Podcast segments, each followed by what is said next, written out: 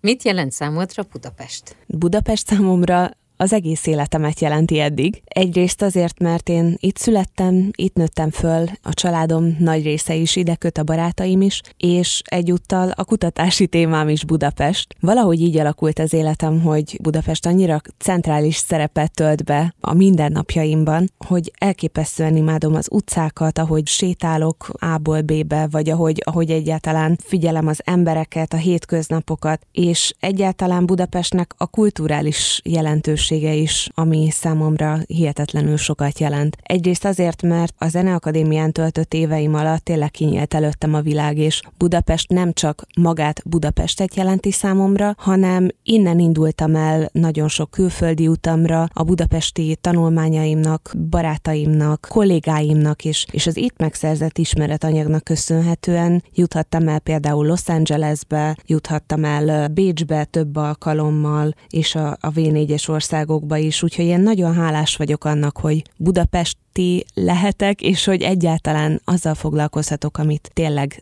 igazán szeretek és ismerek, ez pedig a budapesti zeneélet. Milyen számodra az, hogy tudod, hogy Budapest számára milyen születésnapi művek születtek az elmúlt években, az 50.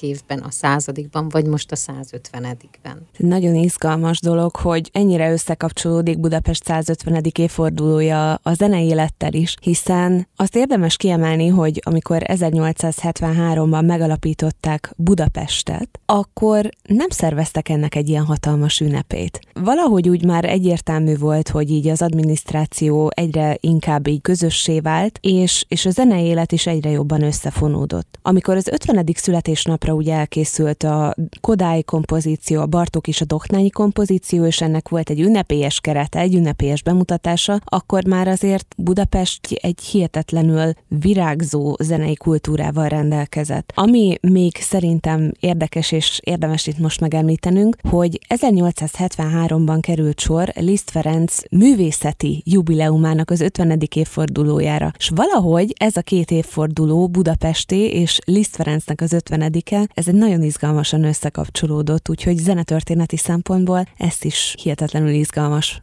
megvizsgálni. Köszönöm. Köszönöm szépen.